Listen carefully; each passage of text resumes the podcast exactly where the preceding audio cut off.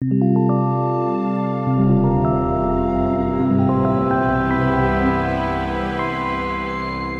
och välkomna till Akademiska smådåd. Det här är en podcast för dig som, ja, det är en podcast för dig helt enkelt. Eller beror på vad för dig betyder för dig. Det beror ju på din ålder, vilken kultur du kommer ifrån eller vad, om du har en objektiv moral eller om du tror att moral är relativt så, så kommer du tolka för dig på olika sätt än vad jag tolkar för dig. Men om du tolkar för dig som jag menar för dig så är den här podcasten för dig. Ja, skitsamma. Mitt namn är Simon Skau. Jag befinner mig i Göteborg. Eh, jag heter Kristoffer Sundberg och gjorde en enkätstudie i samhället där jag bor och de kom fram till att jag troligtvis bor i Lödöse. Uh, och jag heter William Hedley Thomson och är ofyndig i Göteborg.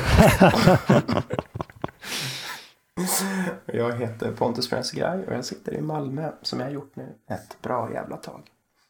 Så gött! Välkomna! Idag skulle jag ta lite så här ångestfrågan. Det är väl ingen ångestfråga, men jag tänker att vi vinklar den lite ångestaktigt. Jag hade en liten spaning här nyligen.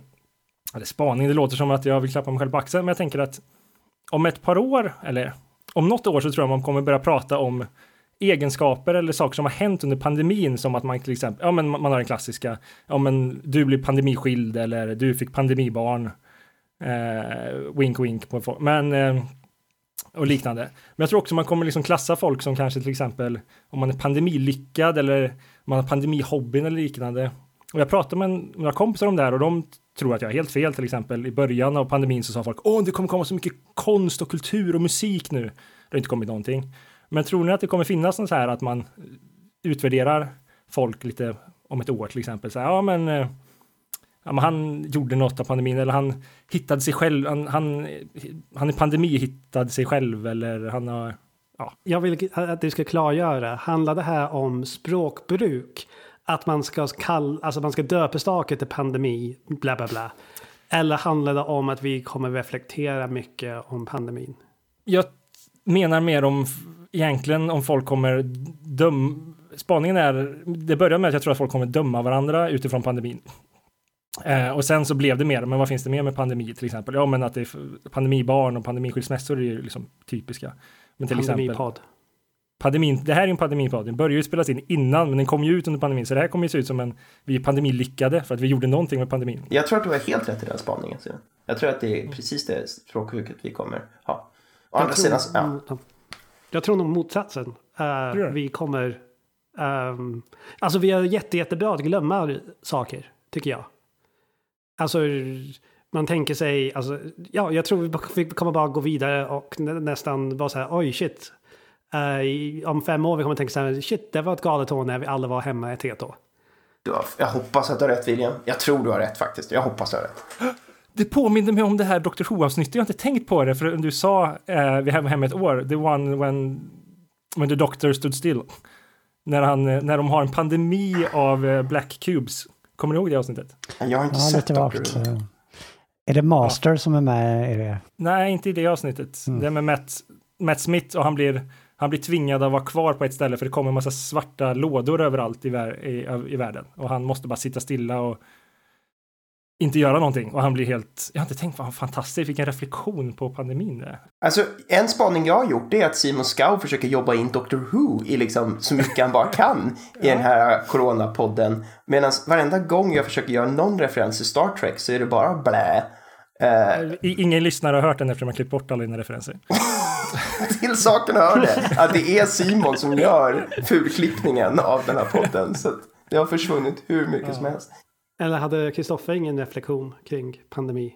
Ingen eh, reflektion. Jag hejar på William för en gångs skull. Eh, eh, jag hoppas att vi glömmer bort det. Jag, jag vet inte, det blir så tråkiga saker varje gång jag ska försöka säga något lustigt så kommer jag bara tänka på deprimerande saker. Men jag har tänkt på just de unga barnen, eh, hur mycket min dotter till exempel pratar om att uh, hennes främsta julklapp som hon ska säga att sjukdomen ska försvinna. Uh, jag bara hoppas att de unga uh, är så duktiga på att glömma som, som William eh, tror. Och jag, jag tror, inte bara hoppas, utan jag tror också kanske att eh, det är svårt för oss som är mitt uppe i det att inse hur fort det kommer att gå. Men jag hoppas och, och tror att det, vi kommer att glömma. Det finns en alternativ, förlåt, min, min dotter har fastnat väldigt mycket i att hon vill att det, hon vill uppleva ett världskrig. Okej. Okay.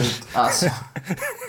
så hon har blivit fascinerad What? över att hon har blivit fascinerad över att det funnits ett första och ett andra världskrig och hon är lite provocerad över att Sverige inte var med i något av dem.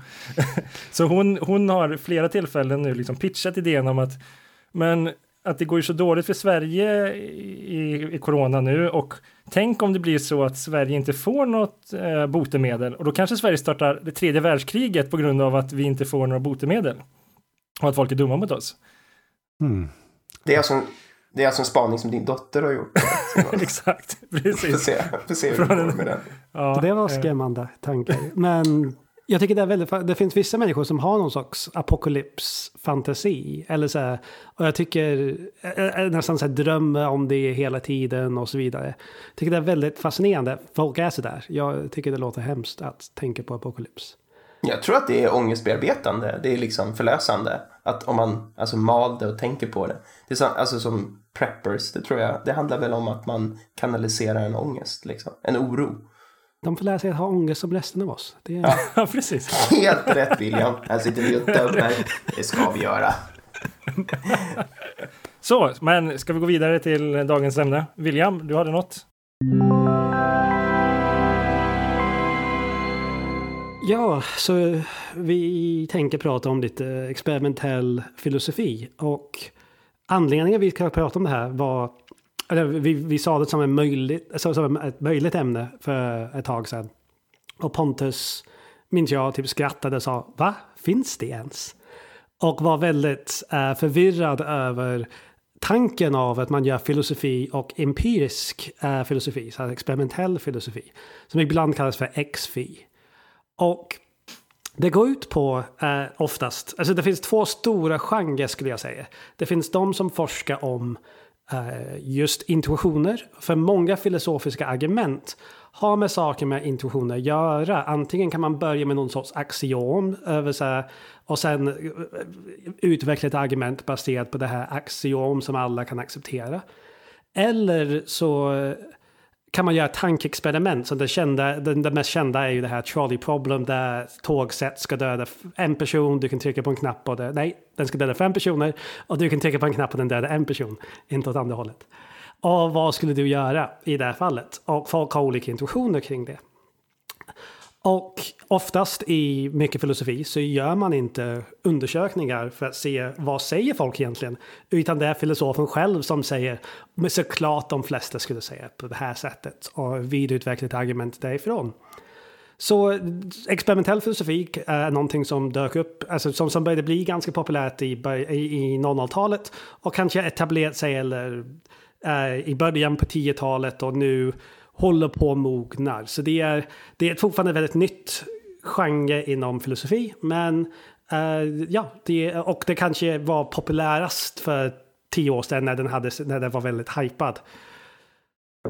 Uh, det finns även, alltså jag ska bara snabbt ta de här med icke-intuitioner, så det behöver inte bara handla om intuitioner. Vi, en väldigt stor del av XV handlar om intuitioner, men jag, kanske personligen tycker jag det roligaste är det som inte handlar om intuitioner. Och där finns saker som man kan forska som till exempel uh, man kan göra typ analys av hur, hur folk ser till varandra eller vad folk skriver om. Så till exempel, det finns någon forskning över att um, filosofi på 30 och 50-talet, 1930-1950-talet, ignorerade väldigt mycket biologisk information. Så det är, det är bara så här intressant att bara experimentellt granska vad filosofer skriver om till exempel. Och sen finns det kanske en av mina favoritexperiment jag någonsin hört talas om är det finns en fråga så här, men om man läser filosofi, blir man mer, alltså om man läser till exempel etik, blir man en mer etisk människa? Så det, är en, det är en möjlig empirisk fråga som man kan studera. Och eh, vad man gjorde var att kolla på bibliotek och förseningsavgifter för vilka böcker inom filosofi. Och etikböckerna var oftast, eh, det var fler etikböcker som var eh, sena än andra eh, delar av filosofi. Då kan man säga att kanske att läsa etik eller bli, äh, gör man till mindre äh, etisk person. Så det, ja, jag bara tyckte det var ett ganska kul experiment som folk har gjort. Men som jag sa, det här är väldigt provokativ experimentell filosofi och det finns ett par motargument. Jag ska bara sammanfatta tre motargument i en mening var och sen kan vi diskutera, ursäkta om det här blev, tog lite tid. Att um, först, det första motargument, ja, oftast är det här motargument mot det här intuitionsgenren som är mycket större inom experimentell filosofi.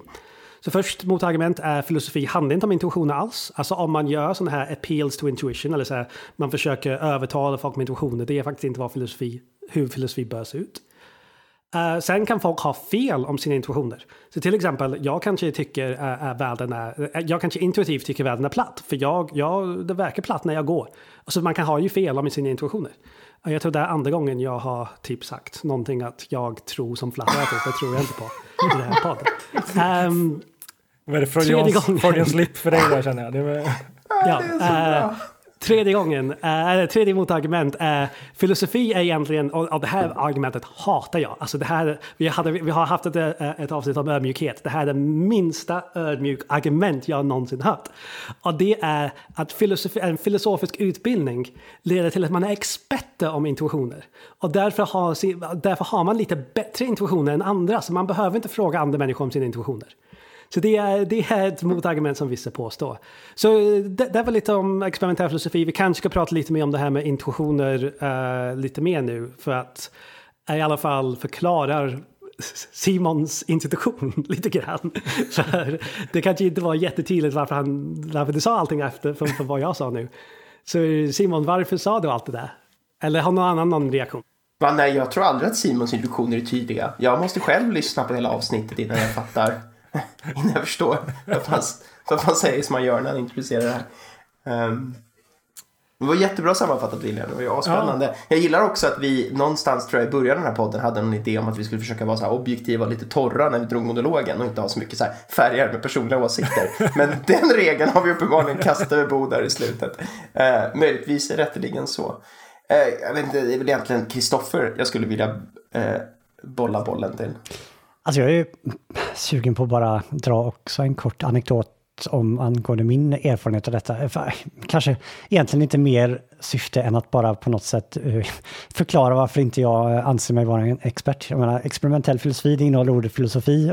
På mitt CV står det att jag är filosof, så då kan man ju tänka sig att ah, Kristoffer ah, borde ju veta någonting om det här. Men det är faktiskt så att jag inte har stött på detta i princip alls. Och det kanske bara är en personlig anekdot, men jag får en känsla av att det kanske också indikerar någonting om eh, den experimentella filosofins status i den bredare filosofivärlden. Kanske, eh, om vi vågar generalisera från ett fall. Men min erfarenhet är att eh, det här inte är någonting man direkt stöter på på en akademisk filosofiutbildning, i alla fall så som jag har sett den i Norden och sådär.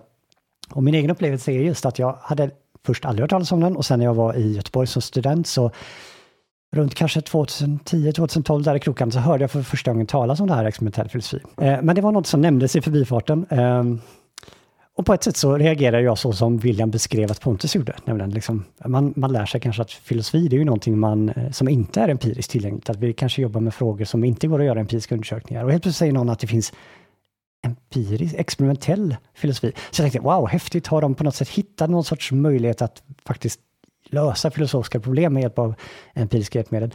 Eh, sen fick jag reda på att riktigt så var det inte, utan det är liksom som William beskrev det mycket att man liksom tittar på det här med intuitioner. Och jag måste erkänna att för mig så har jag bara hört talas om den här intuitionsvarianten av experimentell filosofi. Eh, Williams monolog var första gången jag hörde talas om någonting annat.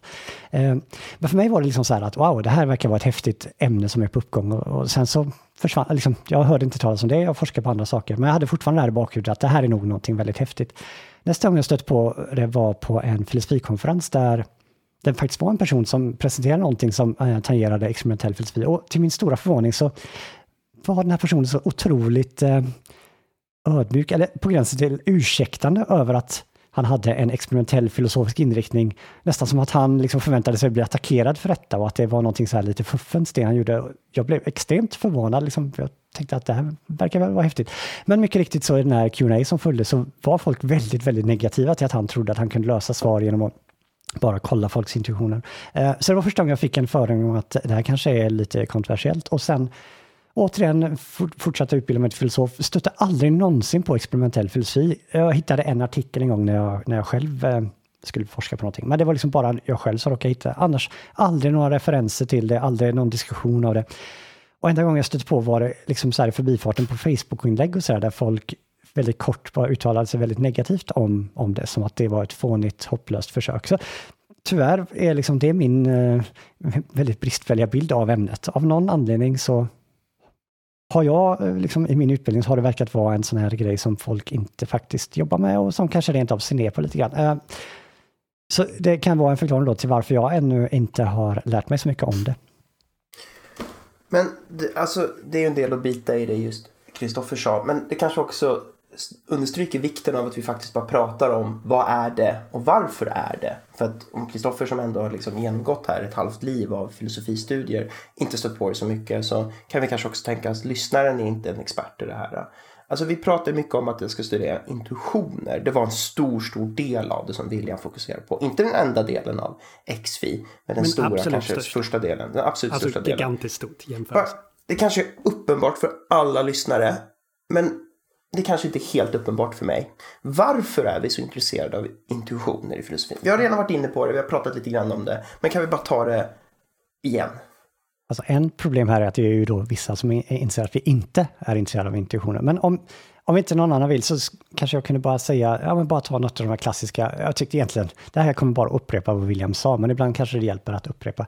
Men en sak som figurerar mycket i filosofi är ju tankeexperiment. Och William nämnde de här trolley cases, när man försöker liksom kräma ut insikter ur moralfilosofi genom att liksom variera en situation i tanken för att liksom få folk att känna efter, ja men okej, okay, i den här situationen, då verkar din filosofi få de här konsekvenserna. Skulle du vara beredd att köpa det? Men om jag tar ett annat exempel som eh, figurerade i förbifarten i Mecka-avsnittet, eh, det är det här berömda Gettier-exemplet. Här finns då en idé om att vi, vi har en bild av vad kunskap är. Om jag bara frågar så här, men vad är kunskap? Och så, Sandberäckad tro.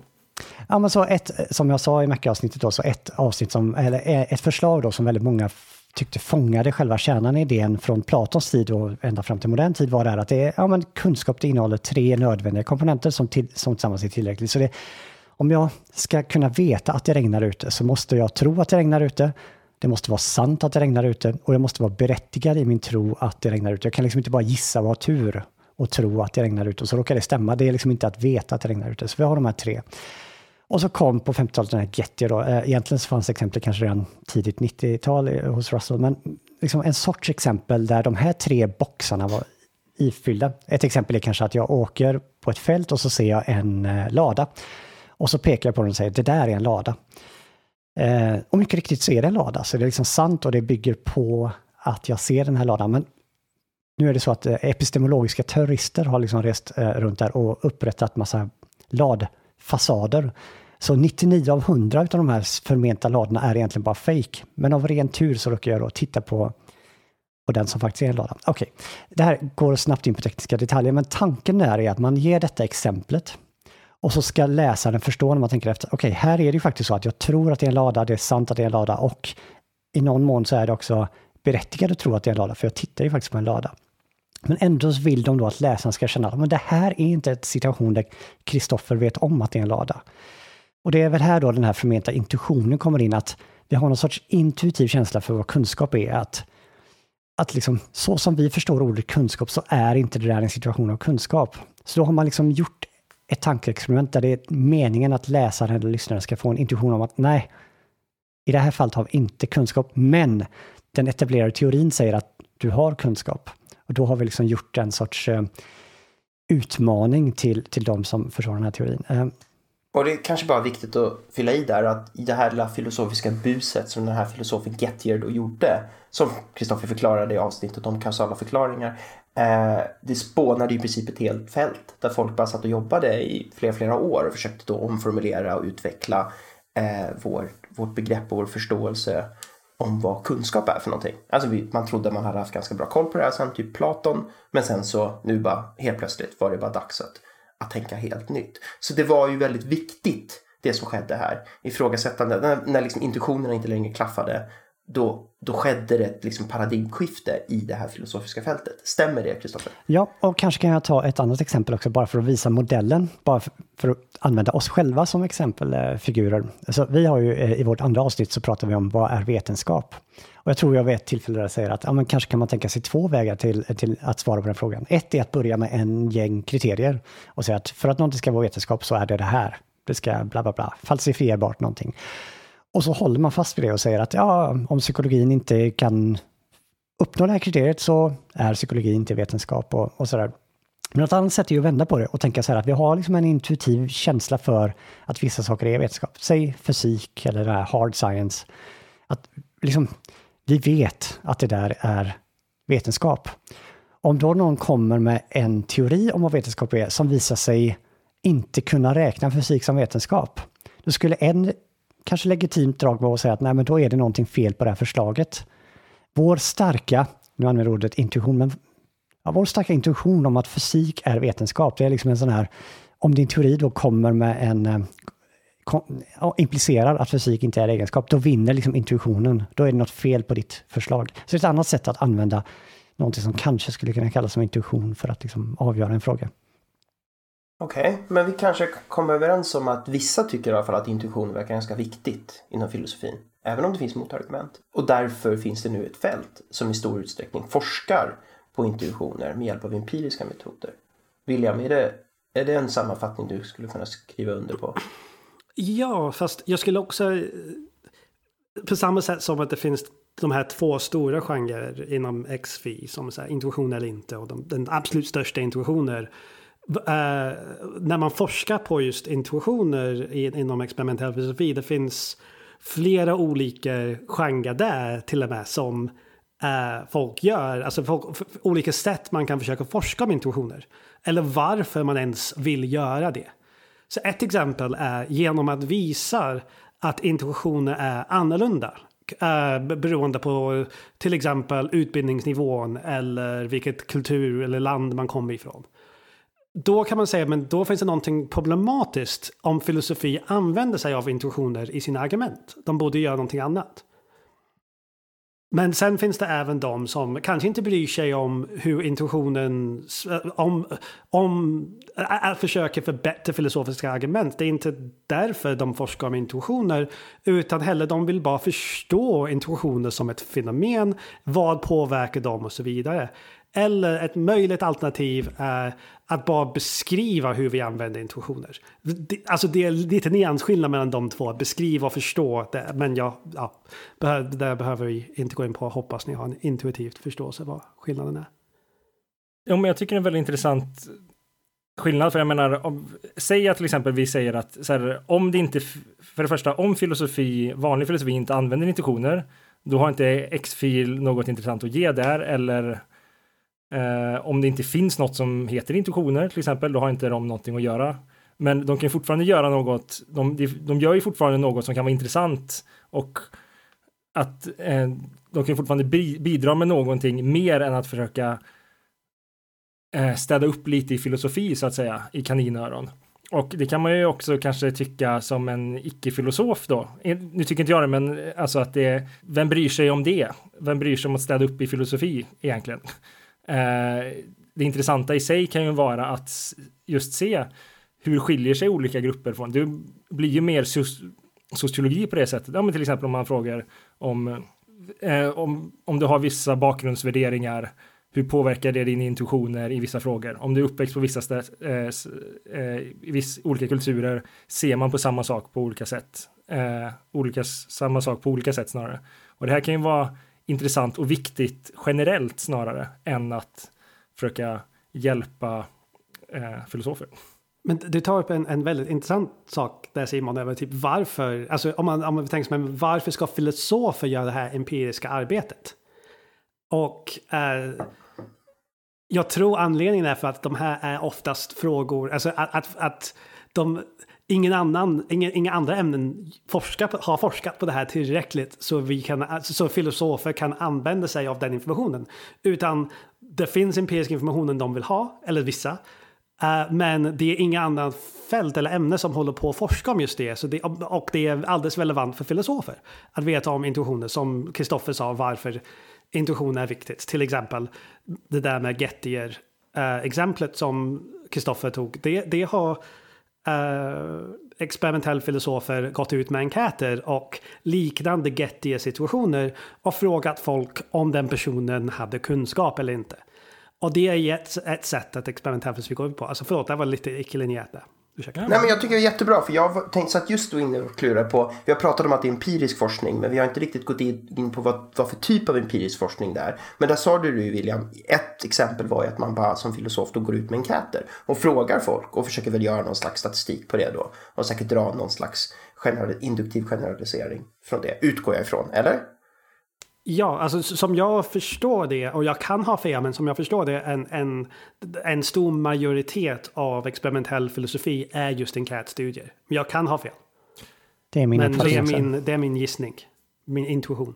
Jag tänkte på två saker här. Eh, det första är kanske bara mer så här historia, sociologiskt, jag vet inte riktigt, men vad jag förstått det så just när den här experimentella filosofin kom upp så att säga, och speciellt där kanske 2010 där omkring så var den, har jag förstått det som, rätt så aggressiv i sin framtoning. Det var liksom inte bara så här att här är en, en till sak som filosof kan göra, utan den var pubertal den, i många avseenden. Den var liksom så här lite ganska så här att okej, okay, nu ska vi nu visar vi att hela liksom, den här analytiska filosofin är ett dödfött projekt och liksom, det var rätt så Ja, liksom ett stridsinlägg och som sen, liksom, tror jag, har jag fått ett intryck av, mjuknade ganska mycket efter tid. Men att den började ganska så, liksom, eh, som en attack på traditionell filosofi och vilket kanske bara också kan förklara lite grann det här varför vissa av svaren också kanske var lite aggressiva i sin framtoning.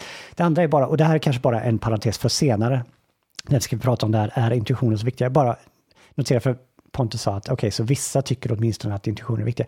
Bara de som säger att intuitioner faktiskt inte är viktiga, som förnekar att filosofer faktiskt använder någonting liknande det som de här experimentella filosoferna säger att de gör, de, säger, de går med på att folk pratar på det här sättet. Som, alltså vi använder ordet intuition och vi har sådana här meningar.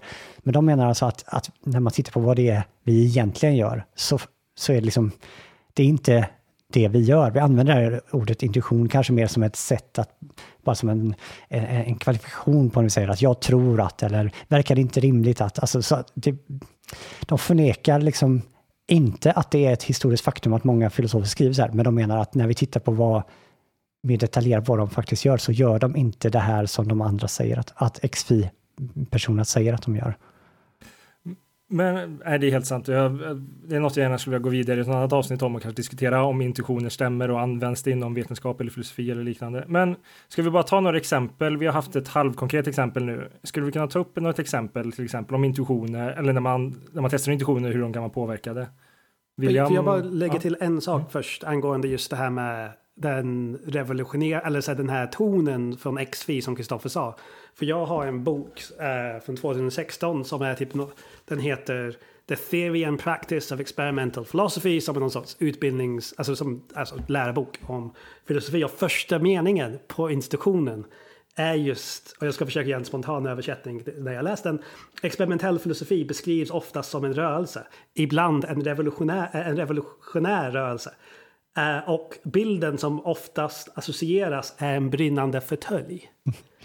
Så... Uh, ja, alltså, och det här var från 2016. Så jag, den, alltså, den, den är definitivt mer nedtonad nu alltså, i boken. Men den, den här bilden kvarstår, skulle jag säga. Man, det, det är så många som ser den som det här revolution, alltså som väldigt aggressiv revolutionerande rörelse. Men kan man inte tänka sig att det, bara, att det bara ligger i sakens natur? Att när man kommer med ett nytt vetenskapligt fält så är det ungt och kaxigt och måste etablera sig genom att sparka oftast uppåt. Och sen så kanske det, jag får känslan att många vetenskapliga fält har börjat på det viset. Vi kan ju gå tillbaka till 1600-talet och prata om astronomer som inte var så, kanske låg i luven med den etablerade kunskapen på den tiden som var typ katolska kyrkan. Men alltså att det kanske är bara på det viset och sen så lugnar det ner sig efter ett tag och blir liksom en del av normen av, av liksom mer etablerat paradigm. Jag vet inte, det kanske vi kan klippa det där. Men alltså att det, att det faller sig naturligt. Och att också att det faller sig naturligt då att mer eh, traditionella filosofer som kanske inte då har avstamp i den rörelsen eh, sparkar bakut i motattack och känner sig attackerade och kränkta. Och speciellt om någon går ut och säger så här, analyt vi har nu bevisat att analytisk filosofi har varit ett hopplöst projekt sedan det börjades på Kristoffer, när började analytisk filosofi? Tidigt 1900-tal. Tidigt 1900-tal, ja. Men uh, ska vi gå, som Simon sa, och uh, ta några exempel? Ja, nej men ett exempel till exempel. Man har frågat, man har kollat på, man har gett folk olika situationer. Man säger att det finns ett företag och att någon kommer fram till ett företag till exempel. Så, så här ger man enkäter och man får olika tankeexperiment eller scenarion helt enkelt. Och ett scenario man ger oss, scenario A är helt enkelt att man har ett företag, någon kommer fram till chefen eh, och säger jag har ett förslag här, vi, det kommer göra så vi tjänar jättemycket pengar, eh, och det kom, men det kommer vara dåligt för miljön. Och chefen säger jag bryr mig inte om miljön, jag, jag bryr mig bara om att tjäna massa pengar. Och de implementerar det här förslaget och det visar sig då att de tjänar massa pengar och att det är dåligt för miljön. Och då frågar man då deltagarna, var den här chefen ansvarig för eh, att förstöra miljön? Ehm, och då brukar man säga ja, han var ansvarig. Och sen så kommer man eh, i en situation B då, så ställer man frågan. En medarbetare kommer till en chef och säger jag har tagit fram ett förslag. Vi kommer tjäna jättemycket pengar på det här, men det kommer också vara väldigt bra för miljön. Och chefen säger jag bryr mig inte alls om miljön. Jag vill bara tjäna massa pengar. Och likt igen så eh, blir det exakt som förslaget var. De tjänar jättemycket pengar och blir väldigt bra för miljön. Och då frågar man eh, var chefen ansvarig för att det blir bra för miljön? Och då säger folk oftast intuitionen är nej. Och här verkar det vara att eh, den har exakt samma struktur, men på grund av att man skadar miljön i ena fallet så verkar den moraliska synen påverka hur man tolkar om den var ansvarig eller inte. Tolkade jag det experimentet rätt? Precis, och, och där kunde man ju då tycka då som filosof att eh, eftersom de är strukturellt så borde man ju ha samma intuitioner i bägge fallen, men så verkar det inte vara. Och, och, ja, det är ett exempel på då, liksom där man kanske kunde har trott innan att folk skulle svara på ett sätt och, och så visar det sig att folk svarar på ett annat. Alltså den stora majoriteten av människorna säger på två olika sätt än vad man hade förväntat sig bara om man hade liksom tänkt på det rent strukturellt. För allt man flippar är är det, bra, är det bra eller är det dåligt för miljön? Och helt plötsligt hålls någon moraliskt ansvarig och i andra situationer hålls de inte moraliskt ansvariga. Och a, nästan alla håller med om den intuitionen. Stämmer det? Ja, så, så uppfattade jag det. Och på annat sätt då så som William sa då, så är det ofta så här att ja, men filosofer kan ha ett sätt att uttrycka sig som att, eh, jag vet inte exakt hur det är, men ungefär så här som att ja, men de flesta skulle nog hålla med om, eller visst verkar det rimligt att eh, kunskap skulle implicera det här, eller de flesta skulle hålla med om att detta är fel och så här. Och den sortens påstående ser ut att kunna härledas till något som går att testa och till exempel, eh, och det är väl det man har gjort, och till exempel då så har man kunnat visa, tror jag, på några fall att saker som man vill tro inte spelar in, faktiskt spelar in. Som till exempel i vilken ordning man presenterar saker, att det liksom påverkar hur folk svarar. Och sammantaget då så är liksom en bild här då man försöker göra är väl att visa att det här så kallade intuitioner kanske är mindre robusta än vad man kan ha tänkt att det har låtit på filosofer. Dels att folks olika med olika bakgrund svarar på olika sätt eller samma personer i olika situationer svarar på olika sätt. Så helt enkelt att man undergräver den här idén, om det nu var en sån idé, om att personer har någon sorts stark fast intuition som på något sätt är intramänsklig. Ehm, så, ja, det är väl ungefär så man försöker jobba. Ja, så jag kan ta ett annat exempel nu, just angående det här med skillnader till exempel, där, där det finns um, skillnader mellan folk. Och det här är ett exempel som uh, jag, jag, är lite osäker om det här skickas ut i litteraturen. Det är så det här kanske är ett nytt exempel som ni inte hört förut. Men det var en eh, fråga, eh, det, var, det, var, en studie eh, från Sitsma eh, och eh, Macheri eh, från 2000 någonting. Jag minns inte. Men de ville kolla om eh, vad, vad vi ger för um, vad som kallas för mental states. Har ni en bra översättning för mental states? Mentala tillstånd. Tack. Mentala tillstånd, om det är beroende på uh, fenomenell medvetande eller inte. Alltså fenomenell medvetande är väldigt teknisk term inom filosofi som kanske inte en vanlig icke-expert har som, som begrepp. Men hur som helst, de, de, de ställde en scenario där uh, det var en robot uh, eller en människa som skulle ändra på ett par lådor. Eh, eller skulle så bara lägga dem i en viss ordning. Och de, hade, de här lådorna hade olika färger. Och ibland i, eh, de, de fick fyra olika scenarier och i en av dem fick de också elchockar ibland. Och då frågade eh, man de här personerna, både filosofer och icke-experter, om människan såg färgen rött. Om roboten kände, eh, upplevde, eller, eh, upplevde känsla, eh, färgen rött om människan upplevde smärta eller och om roboten eh, upplevde smärta. Och man såg en skillnad i mellan experter och icke-experter just kring om roboten såg rött. Så det var en skillnad att, att, att uh, roboten kände, um, kände inte så mycket smärta, människan kände smärta och såg rött. Men många uh, icke-filosofiska experter sa att uh, roboten såg rött men inte filosofer sa att den inte gjorde det. Så det, var, det är ett annat exempel kring hur man kan göra sådana här studier för att ta reda på intuition hos folk. Så här, det här är intuition om mentala tillstånd och hur den kan variera från experter och icke-experter. Så det var, det var ett annat exempel. Uh, vill ni, ska vi ta ett till exempel? Vill Kristoffer eller Pontus ta ett exempel nu eller har vi haft tillräckligt mycket av hur det kan se ut? Jag, jag börjar få en tydligare bild av vad det här går ut på. Men alltså, om det är så att många filosofer liksom förankrar sina argument och sina resonemang i intuitioner och just med det argumentet att men det, är liksom, det här är ju en intuition som de flesta människor har eller det här är någonting som de flesta människor inte skulle hålla med om. Då tänker jag direkt att blir det inte väldigt viktigt då att göra de här empiriska studierna, exempel, de här två exemplen som, som ni tog upp. Jag, jag tycker det låter bara naivt, bara sådär liksom rakt platt. Det låter ju asfett att man tittar på det här.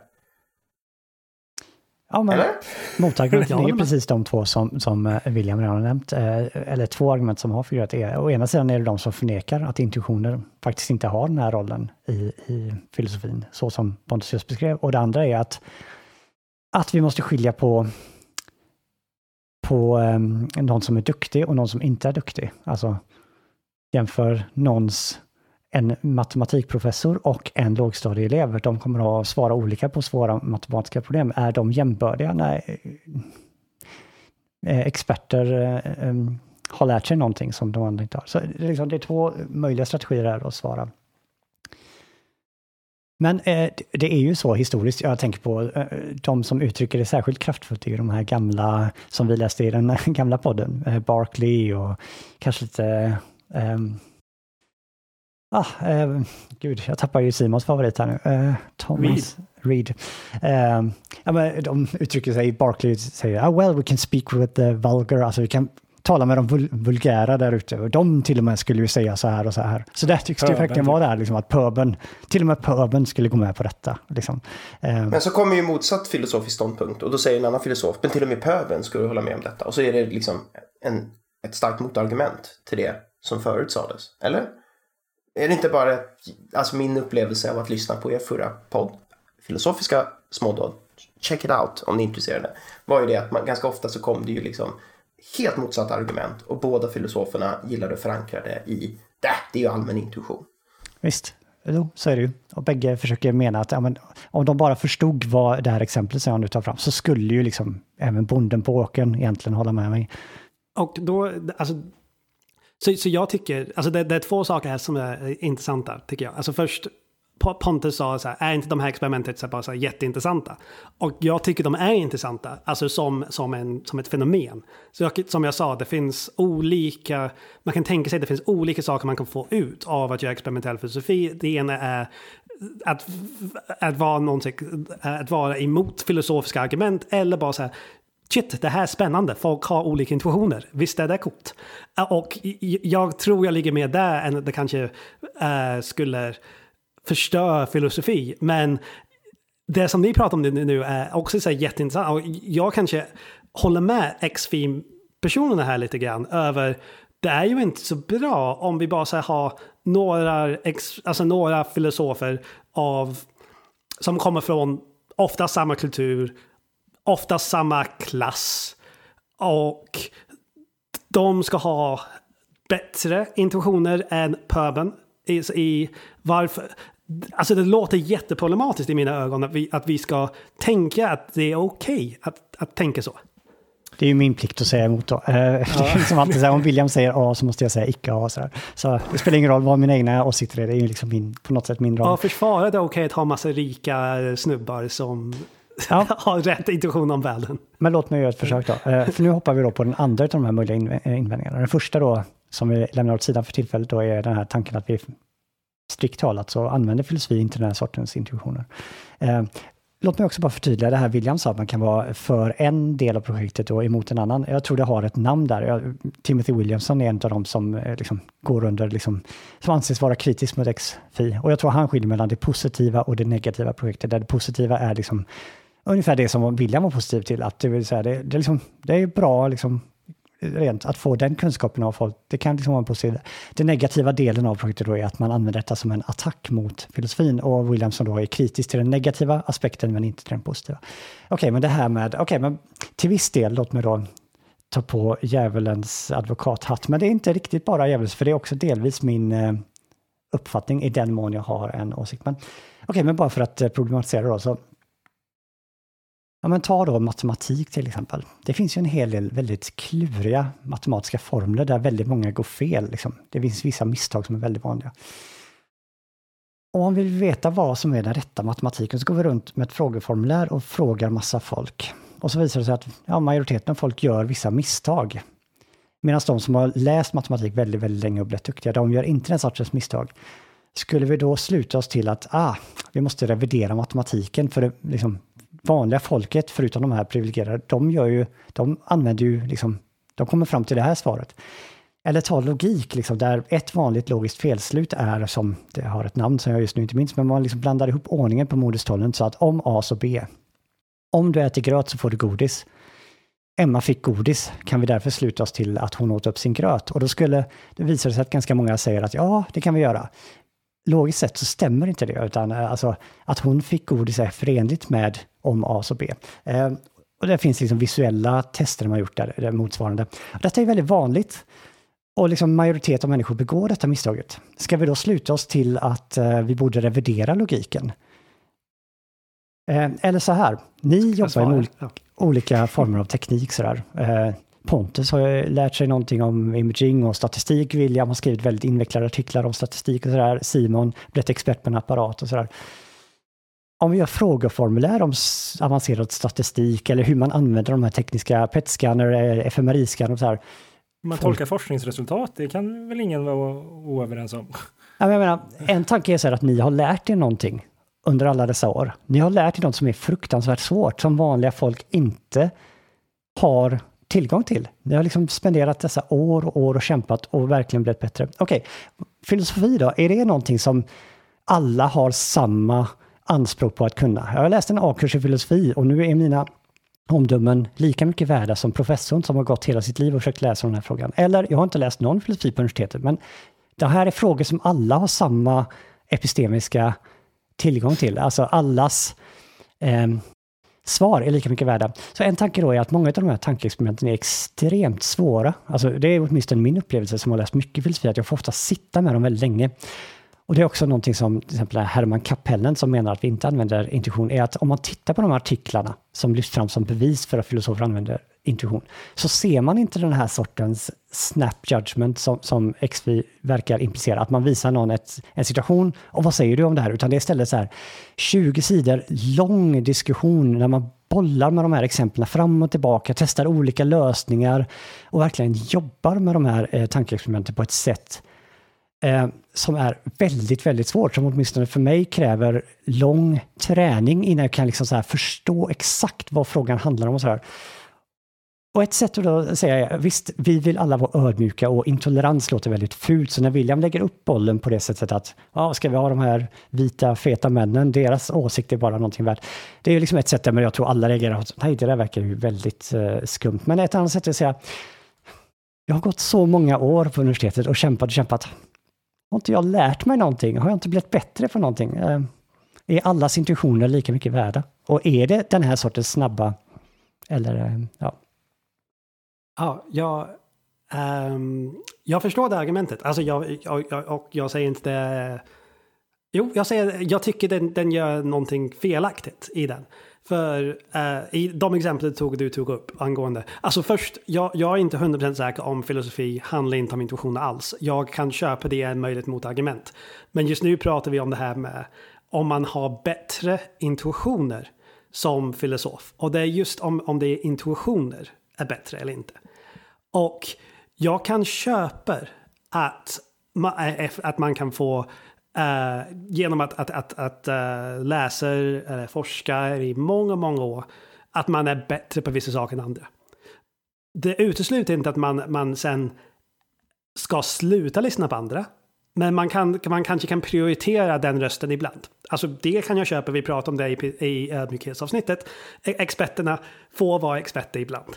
Och de, man får väl säga att de har rätt. Men är filosofer experter på intuitioner? Nej, de är experter på argument. Så jag, kan, jag har full respekt för att säga en filosof kan se ett argument och hitta ett fel eller brist i den, i den logiska strukturen av, en, av, ett, av ett argument. Jag, det kan jag köpa och jag kan säga att de äh, utbildade filosofer är nog mycket, mycket bättre på det. Har de bättre subjektiva bedömningar av världen? Nej.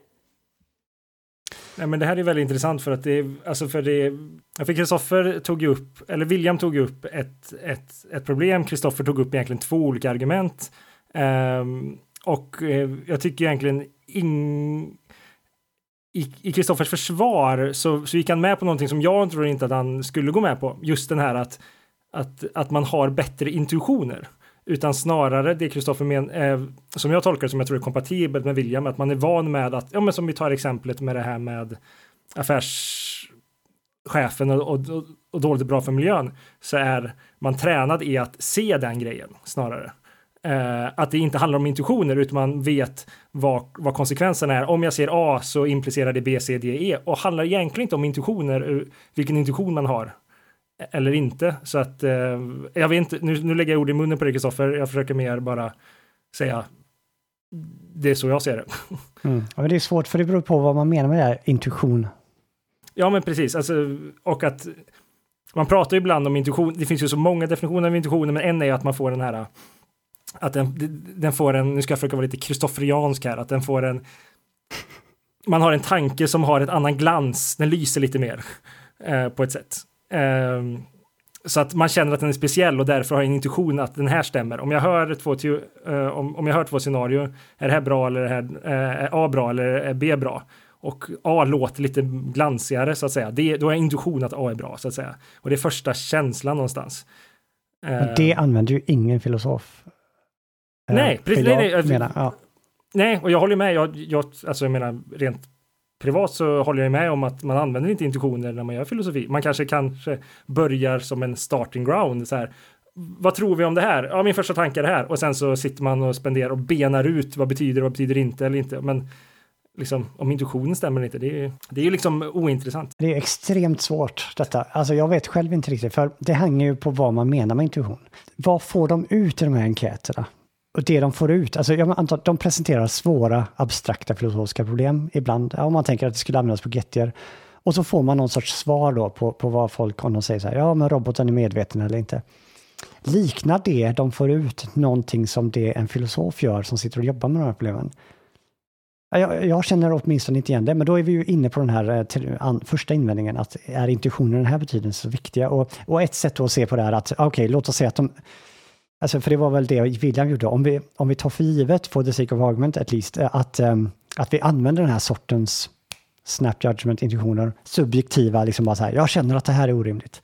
Att då har vi gått med på det att, att filosofers intuitioner då inte skulle vara mer värda. Alltså det, det låter ju väldigt mycket mer rimligt då, och inte, inte minst då när jag har inte sett studien själv, men tydligen har de ju kollat även filosofers intuitioner i den här betydelsen. Deras snap judgment på enkäter. Och det verkar som att de också är eh, sårbara för vissa av de här, att de också är påverkbara.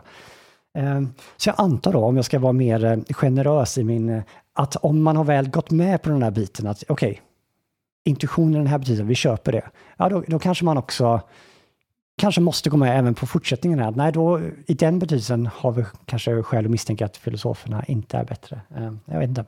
Men jag har en fråga, för, alltså jag tycker det, det är jättebra. Men, eller, eller så här, jag tyckte um, Alltså jag tror att det är svårare att försvara den positionen för intuitioner om de betyder det här med, det här med subjektiv. Såklart man kan definiera dem på lite annorlunda sätt. Men den här, den här starka motargument som du verkar köpa på lite mer, Kristoffer, att man um, att filosofi handlar inte om intuitioner alls. Egentligen så en bra filosofisk text ska inte ha intuitioner. Alltså, jag tycker det finns någonting så lite konstigt med det här. Äh, med det. Och jag vill jättegärna ha, höra anledningen varför det inte är så. För nästan i alla argument, alltså om man tänk, kollar på den logiska strukturen av ett argument, om man skriver så här, det här följer från den och den följer från den. Man behöver alltid premisser. Som man köper som sant. Så, och om man ska tro på ett filosofiskt argument, då måste man tro att de här premisserna stämmer.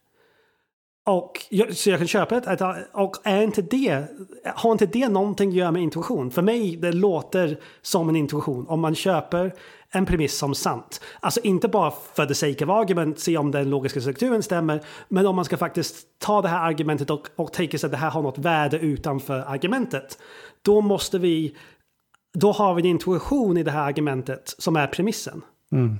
Alltså jag har själv eh, haft en tendens liksom att, att, skriva så, till exempel när jag undervisar så här, hur kan ett filosofiskt argument se ut? Och så har jag en sån här premiss som man faktiskt inte försvarar just det här argumentet, utan man liksom bara tar ombord. Och jag har haft en tendens att liksom skriva så här inom parentes, intuition. Men jag har ju tyvärr inte läst Hermans bok, jag har liksom bara lyssnat på honom prata om den. Men han menar ju då att, eh, så egentligen borde jag ju verkligen läsa den, men han menar att det där liksom, visst vi, vi säger så, vi använder de orden, men vi använder inte intuition, intuition i någon mer sofistikerad eh, betydelse. Men han går med på det. Ja, visst är det så att i varenda debatt, inte bara i filosofi utan även i empirisk vetenskap, så har vi en massa premisser som vi liksom, vi har inte möjlighet att försvara allting.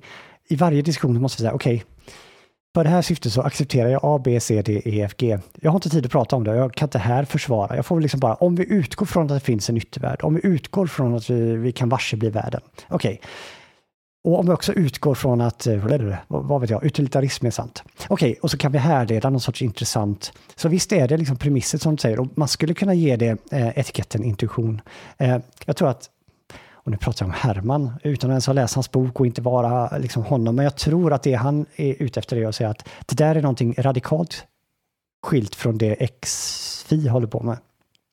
Eh, och att det egentligen inte är intuitionen och intressant bemärkelse. Det är bara det faktum att vi, när vi publicerar artiklar, när vi pratar med folk, så måste vi alltid göra vissa antaganden. Ehm, och det är inte så att vi ger dem någon specifik epistemisk status eller att de är någon sorts, att vi har någon sorts fakultet som vi kan liksom beama iväg och så får vi en intuition och det får liksom en direkt epistemisk, liksom så här att ah, därför är det så. Utan att det snarare är mer så här att okej, okay, i den här kontexten, i den här debatten så måste jag ta de här för givet och så försöker jag bygga ett argument. Men om man säger sitt argument har någon sorts betydelse.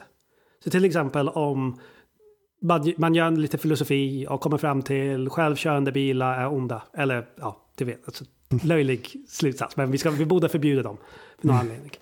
Kan, kan vi inte ta ehm. jorden i platt igen, William? Nej, okej, okay, vi kör bilar den här mm. gången. Ja. Men de är onda för att de inte förstår att jorden är platt. um, Gud. Um, jag har tappat mig nu. Men om vi kommer fram till det uh, och vi vill ändå så här, applicera det här argumentet. Implicerar inte det att vi har, in, vi har nu sagt någonting om den epistemiska statusen av våra intuitioner eller premissen i det här argumentet? Alltså, det är ju svårt. Uh, rent den ideala, perfekta tänkan som vi pratar om ibland i den här podden, den, jag kommer inte ihåg vad vi sa, ideala, rationella Simon agenten. Ja, men den borde ju faktiskt liksom ha det i åtanke också att okej, okay, här är liksom A, B och C är liksom bara premisser som personen här inte har gett oss några skäl. Personen har sagt att det här verkar vettigt eh, givet vad vi vet i övrigt.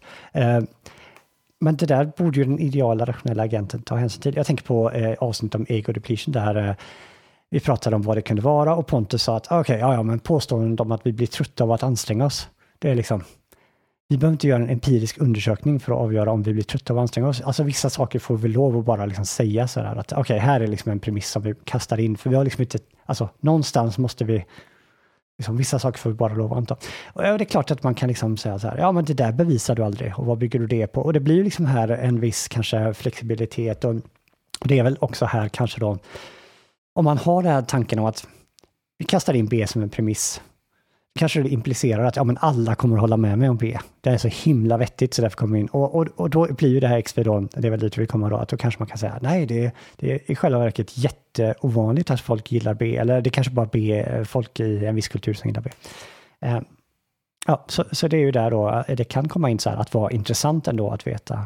Men det skulle ju också kunna vara, alltså, mm, så här, om det är så att filosofer eh, utgår från att så här, ja men eh, om intuition är kopplat till vi har goda anledningar att tro utan att jag fort ger några belägg för det. Om det är intuitioner och folk använder sina premisser på det viset, då har XFI i den här negativa bemärkelsen en, en, en poäng. Det håller jag med om. Sen så liksom filosofi som, om man kollar, eh, och det kanske individuella filosofer ibland gör, men just själva fenomenet filosofi jag tycker i slutändan det är rätt ointressant för jag inte håller med om det. Men jag menar, man ifrågasätter om världen finns eller inte. Man ifrågasätter om tankar finns eller inte. Alltså så här, hela spektrat, alltså så här, oftast om man håller på inom filosofi eh, så är man med på att vi kan alltid gå ett steg längre ner och ifrågasätta ännu mer. Vi kan vara Russell och skriva en bok och 200 sidor senare komma fram till att 2 plus 2 blir 4. Alltså, man kan gå igenom de här grejerna. Eh, och man har stött på att folk går igenom de här grejerna och vet att ah, jag börjar på den här nivån. Men det, nu generaliserar jag baserat från egen erfarenhet. Eh, och det har vi lärt oss är problematiskt. Men om det är... Ändå gör vi det i varje avsnitt. Aha, men, men, men, om det är så att folk använder intuitioner på det här viset så gör ett X-fil, då har de en poäng i att visa att ja, men du kanske ska använda, tänka på vilka premisser du använder om de inte tänker på vilka premisser de använder så ska de tänka på det. Och här har de gett fram, eh, belägg för det. Ungefär som metavetenskap eller rep reproduktionskriserna. Alltså, vi visste, vetenskapsmän och kvinnor, vetenskapare, visste ju innan att det var viktigt att göra replikationer. Men man gjorde det aldrig och nu har man visat att det blev dåligt. Man har visat det med siffror liksom. Eh, så att nu har vi visat det vi redan visste. Men oavsett om vi kommer fram till om XFI är nyttigt eller inte för att ifrågasätta den analytiska filosofin. Är XFI i sig filosofi? Eller är det någonting annat? Och då tänker jag att bara för att någonting används för att ifrågasätta filosofin så behöver ju det faktiskt inte betyda att det själv klassificeras som filosofi. Så ska vi klassificera XFI, trots att filosofi är i namnet, som ren filosofi. Det där är en fråga som, som man ser i de här texterna och som de verkar själva liksom, de har ju tydligen fått höra, förstår man ju, att de en anklagelse om att de egentligen inte är filosofi och de verkar vara ganska noga med att försvara att ja men titta här på de här historiska figurerna som Aristoteles och där, att de minsann också gjorde det vi gör. Eh, jag finner personligen så här inte att jag känner just med filosofi så är det liksom eh, så otroligt många eh, som kallar sig filosofer. Folk som inte har någon som helst akademisk bakgrund, som kanske har skrivit lite litteratur. Eh, det känns som att det är redan sån anarki med vad filosofi betyder och vilka som kallar sig det, så jag har lite svårt att liksom säga att ytterligare ett gäng här. Men, men kanske personligen kan jag väl tycka att det de gör har väldigt lite, alltså jag känner igen väldigt lite i det de gör med det som jag gör. Om, om jag är filosof så verkar det som att de gör någonting ganska annat. Um, men de som håller på med till exempel metaetik är också någonting väldigt annorlunda än vad du jag tycker väl i och för sig att där finns det mycket mer, uh, jag känner, jag kan liksom gå in i en metaetiktext och ändå förstå vilka verktyg de använder och sådär. Det är liksom, ja, vi pratar om ontologi, epistemologi, semantik och jag, liksom, jag, jag tycker mig se mer så här, hantverket är detsamma. Medan det känns som att XFI, för mig som är okunnig, så ser det ju lite grann ut som att de gör en sorts socialpsykologi. Det är bara det att studieobjektet råkar vara saker som är liksom dels filosofer och dels frågor som vi filosofer tycker om att prata om. Men på ett sätt så vet jag inte och bryr mig inte jättemycket om det. Jag vet inte, vad säger ni? Är det socialpsykologi? Alltså det är ju den intuitionen jag får när jag hör er prata och den, det, det lilla jag läste om det också. Vilket jag inte nödvändigtvis behöver vara någonting dåligt. Alltså jag vet inte, Nej, det behöver inte betyda att fältet...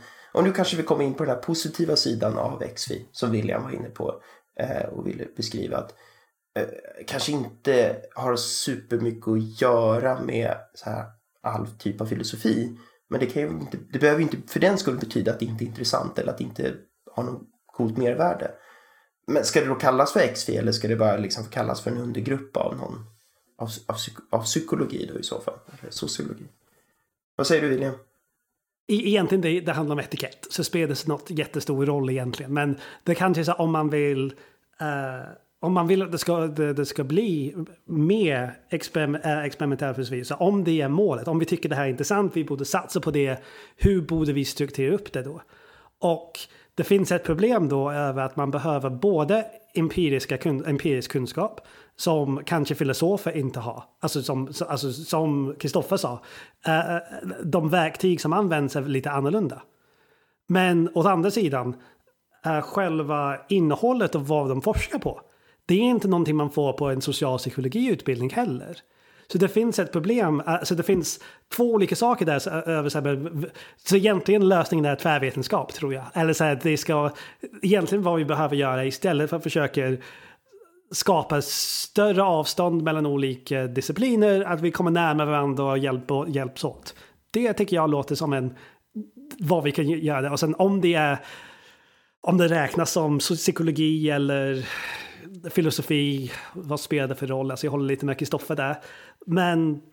Men vadå, alltså jag vet inte, jag kan väl alltså, jag tror att det finns något tidigt avsnitt av Akademiska småddar där jag säger åh, etiketter, det suger. Men det är väl klart det kan vara viktigt med vilken etikett man sätter på det. För det har väl att göra med acceptans av andra fält, men också var man hamnar någonstans. Om man säger att det är socialpsykologi, då kanske man hamnar på vissa konferenser eller vissa idérum eller vissa anslag. Om en sanning så tänker jag väldigt mycket på att söka anslag just nu. Eh, och så liksom hamnar man i vissa kategorier där filosofer inte är. Och så avskärmas man från dem och så, så blir det liksom inte den där diskussionen som jag utgår från var tanken med att skapa XFI-fältet från början. Så jag håller nog inte riktigt med William. Alltså jag, jag förstår vad William säger när han säger skitetiketter. Jag håller med honom in spirit. Men jag tror det finns praktiska konsekvenser men, som alltså, är viktiga att tänka igenom. Jag försökte säga att det krävs kunskap från både psykologi eller non-empirisk fält som statistik eller något liknande och, eh, och filosofi. Att det behöver vara ett samarbete fortfarande. Alltså det är inte helt redo att vara ett eget nytt fält som vi kallar för C. Um, utan det, det, det, kräver fortfarande någon sorts interaktion mellan de här två olika fält. Men om avdelningen, om det skulle vara en avdelning för experimentell filosofi på en psykologiavdelning eller en filosofiavdelning, jag tycker inte det är så viktigt i sig. Men som du säger, det här samarbetet och diskussionen är väldigt viktigt. Och kanske och kanske det som är ännu viktigare angående det här är just uh, experimentell filosofi har ändå en, även om, om, om, man så länge man inte vill bara beskriva intuitionen men man tycker det finns någon sorts grej som är viktigt för filosofi, att implikationerna har, no, har något att göra med filosofi. Till exempel, även om man eh, i sina premisser ska anta en viss sak och vi säger alla tror på det och, de, och det finns en studie som säger nej, nej, nej, nej. Det finns eh, folk i Frankrike som tänker inte så. Så eh, det, det får du inte säga. Så på något sätt vill experimentell filosofi påverka filos filosofi lite grann. Alltså kanske inte lika mycket som den ville göra från början, men den vill ändå ha någon sorts influens. Och det kan vara provocerande för filosofer på grund av de filosofi tycker om att vara högst upp och så här, ingen, kan, ingen kan prata om oss. Uh, vi styr alla andra fält. De, alltså, jag tycker filosofer, filosofer är ganska glada att vara i den positionen ibland. Så kanske jag är inte så jättenöjd att uh, ett annat fält som säger så här, nej, nej, experimentell information säger någonting annorlunda. Så jag tror att experimentell filosofi vill vara så nära filosofi som möjligt på grund av det. Är, är min gissning. Får jag bara komma in med en grej? Jag tror det finns en väldigt intressant asymmetri där just hos filosofer.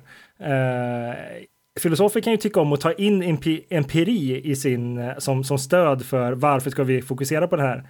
Men det kanske är just den att då är det filosoferna som har hämtat empirin in. Jag eh, läste en bok om kvantfysik eller jag läste om en studie om hur man kunde stimulera visuell cortex genom att eh, trycka på tungan. Alltså, det är filosoferna som tar in det istället för att det är en vetenskapare som kommer in och säger filosofera lite. Eh, det är intressant på något sätt. Precis, att där kan det finnas någon uh, intressant asymmetri. Sen så om jag ska vara helt ärlig uh, med er kära lyssnare, så jag har aldrig läst en experimentell filosofi-artikel, så jag vet inte vad de gör i sina diskussionsdelar eller liknande. Så jag vet inte om de faktiskt gör. Alltså så här, det, det, kan ju vara så att istället för att börja med vilken är min intuition eller så här, var var min början, så kanske de säger så här, ja men vi, vi har det här kända testet, vi är intresserade av moraliska utsagor och så gör vi ex experiment och vi visar att folk här säger A och folk där säger B. Ja, då börjar vi liksom konceptuellt veckla ut det och liknande. Och då kanske det är filosofi och de har det som starting point. Jag vet inte genuint. Jag vet inte heller, för jag har inte heller läst någon XV-artikel. Men jag har däremot läst en sammanställning om replikation och reproducerbarhet mm. i eh, XV. Och där såg jag att man hade till exempel testat Gettiers problem. Man har faktiskt frågat människor de tyckte huruvida det här var kunskap eller inte kunskap. Då kopplar jag tillbaka till Kristoffers eh, exempel i början. Eh, och fått ut någon statistik på det. Och nu vet jag faktiskt inte vad resultatet var. men eh, man kan ju tänka sig där att om det skulle vara så att folk var ändå sa så att nej men det här är kunskap, säger 95 procent av befolkningen. Då kanske helt plötsligt Gettiers filosofiska bus, det ställs ett nytt ljus eller det får någon annan innebörd.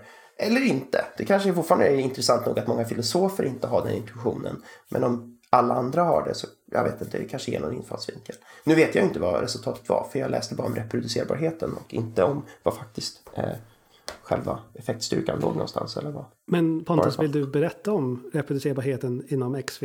På grund av, alltså vi har pratat om det ganska mycket i podcasten, så vad lärde du dig av den artikeln? Det är det enda jag vill prata om i den här podcasten. Så naturligtvis så ska jag lyckas med att klämma in det även i det här avsnittet. För det är väl det enda man kan prata om, det enda som är viktigt här i världen. Nej men okej, men varför ska vi diskutera det här? Och jag, det finns väl, alltså just vi pratade om att XV var ett ungt fält och det kom en del kritik. Alltså när William sa att Pontus inte hade hört talas om XV förut och jag sa vad är det? Det stämmer till viss del, men det är en sanning med modifikation. För det jag hade hört talas om XV tidigare var just i samband med replikationskrisen för några år sedan. Där det var snack om så här, men nu har filosoferna börjat göra liksom, psykologi. Det var liksom vad jag hörde, ni hör ju det är extremt eh, ganska, liksom, det är förtal redan nu, liksom, att man använder sig av lite nedsättande eh, tongång här. Och sen så var problemet då att många av de här artiklarna som görs ganska dåliga, de kan inte reproduceras, det är dålig statistik och sådär. Och det var vad jag hade talat om det, så jag tänkte oj oj oj, ett till offer för den här replikationskrisen. Eller liksom,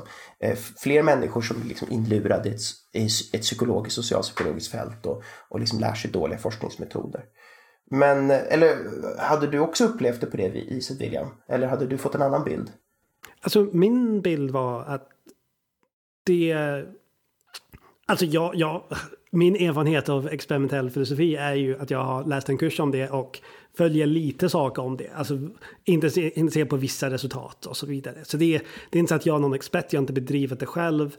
Uh, men min upplevelse av det, och, men det här läste jag också efter uh, replikationskrisen hade slagit till. Men jag kände, jag kände att filosofer, eller experimentell filosofer var väldigt medveten på det här och tog hänsyn till det snabbare än vad psykologer gjorde. Det var min, eh, min bild i alla fall. Att den fick en större spridning av vi måste vara så korrekt som möjligt. Men, det, det är, men såklart kan lite av forskningen som har skett innan eh, har haft alltså, problematiskt med statistik, vissa statistik, statistik. Och det har varit lite kritik över att ja, de var inte tillräckligt kompetenta i empirisk metodologi ibland. Och sen även att det, vissa saker inte går att reproducera. Men att, inte, att man inte kan reproducera allting inte är fel. Det är väl det man förväntar sig. Alltså man förväntar sig att all empirisk forskning, alltså någonting kommer inte reproduceras. Och jag har bara snabbt kollat på artikeln som du skickade ut Pontus, men visst var det så att Uh, det var inte så farligt som psykologi. Alltså replikations... Uh, antalet experiment som inte gick att replikera var inte lika farligt som Nej, men, inom psykologi. Exakt, en timme precis innan vi ska börja podden så får jag ett nybrunnet eh, passion för att lära mig mer om reproducerbarhet i experiensfilosofi. Och hittar en artikel då där de har försökt estimera reproducerbarheten i det här fältet. Och det är förvånansvärt bra faktiskt. Och jag läser artikeln eh, som heter så pass mycket som eh, nu ska vi se vad artikeln heter för någonting. Eh, den heter så mycket som Estimating the Reproducibility of Experimental Philosophy av Kova et al. och släpptes 2018. Eh, uh, det var kanske inte världens mest förvånande namn. Och det var ganska intressant. Jag tycker det lilla jag läste, liksom jag har bara ägnat igenom artikeln, verkar bra. Och det verkar som det har en förvånansvärt hög replikationstakt. 70% av alla fynd, lite beroende på hur man räknar, kunde ändå reproduceras. Och det var ganska starka effekter. Och många fynd, när de försökte reproducera fynden så var effektstyrkorna var ännu starkare än originalstudierna. Så att jag blev positivt förvånad, läste mer den här artikeln och blev så här wow, det här var ju riktigt grymt. För det ska vi nog säga att när vi har kritiserat psykologi förut och socialpsykologi så har ju de inte haft de typerna av höga nummer. 70% tycker jag är högt. Jag tycker inte man ska förvänta sig nödvändigtvis att man kan reproducera all forskning liksom. Så att jag tycker det, jag blev jättepositivt överraskad och insåg att det här jag har hört talas om att, att XFI då skulle ha, lida av samma problem. Det kanske inte är helt sant, det kanske inte helt stämmer. Den här artikeln jag just refererar till, den var ganska välgjord.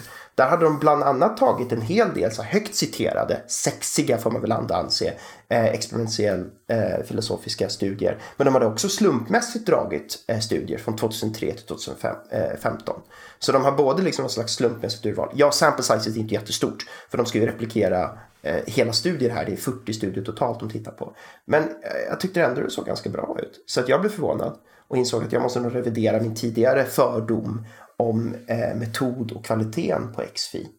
Eh, och kanske också lite roliga nyheter för Kristoffer som ändå har suttit och våndats över att psykologin inte alltid har visat sig vara så fet som man kanske kunde hoppas. Men här kommer ett fält som ändå på pappret ska tangera hans eget fält. Och så visar det sig att de kanske faktiskt inte har det så dåligt som, som eh, men återigen, det är e- e- e- ett, en artikel och det finns faktiskt massa käpphästar man ska slänga in där också. Men den kan man ju titta upp i alla fall om man är intresserad eh, om det här ämnet mer. Men då kanske eh, filosofer borde byta jobb med psykologer, så all psykologi borde göra filosofi och filosof filosofer kanske borde göra psykologi. ah, snyggt! ja, men alltså, ärligt avhängt den här artikeln, så sagt, det kanske har kommit jättemycket kritik mot den eller något annat, men liksom, om vi säger att den här artikeln ändå liksom lyckas träffa någonting. William, ingen dålig idé. Man kanske, det kanske kan vara så att de här filosoferna som jobbar med det här, eller de här tvärvetenskaparna, tog åt sig väldigt fort av all kritik som kom ut vid eh, 10-talet om socialpsykologisk forskning insåg så här, men det, vi är tillräckligt unga, vi är tillräckligt formbara, vi kan faktiskt göra någonting bra av det här. Eh, vi är inte lika inkörda som väldigt, väldigt många andra socialpsykologer. Det, var min, det är i alla fall min bild av diskursen är att man är väldigt, väldigt, alltså de stora namnen i fältet är väldigt medveten på det här. Coolt. Jag tycker det låter asballt. Det låter ju som att det är en, en god framtid. För den här. Jag ser en ljus framtid för det här fältet i så fall. I alla fall rent empiriskt. Sen vet jag inte filosofiskt, men det kan jag ingenting om. Har någon, någon mer tillägg för idag? Eller känner vi oss klara med... Eller det känns intuitivt att vi kanske är klara. Jag har inget mer att tillägga, William. Jag är nöjd. Ska vi sammanfatta? Ja, men sammanfattningsvis, det finns XFI finns. Eh, det är potentiellt, eh, de var pubertala i början och ifrågasatte all filosofi. Men eh, om de ifrågasätter vissa filosofer eller filosofi som helhet, det är en öppen fråga som vissa av oss inte håller riktigt med om. Sen om de har intressanta inlägg om till exempel hur, hur människor skiljer sig åt, hur de tolkar olika saker som kan vara värdefullt, som kanske tangerar mer psykologi, socialpsykologi, som man kanske inte kan lära sig där, men som kan faktiskt vara viktigt till exempel, vara intresserad av hur ser olika kulturer på kunskap kan vara intressant om du tänker till exempel ska åka och göra något diplomatarbete och säga vi kommer här med kunskap. Det låter inte diplomatiskt, det låter som missionäriskt. Det kommer jag klippa. Um... det, var en bra, det var en bra sammanfattning. Vi har slutat med sammanfattningar. Tycker jag också. Ja. Det var jättebra. Så att, ja, tack för att ni lyssnar. Tack så mycket. Tack för den här gången. Ses nästa gång. Hej, hej.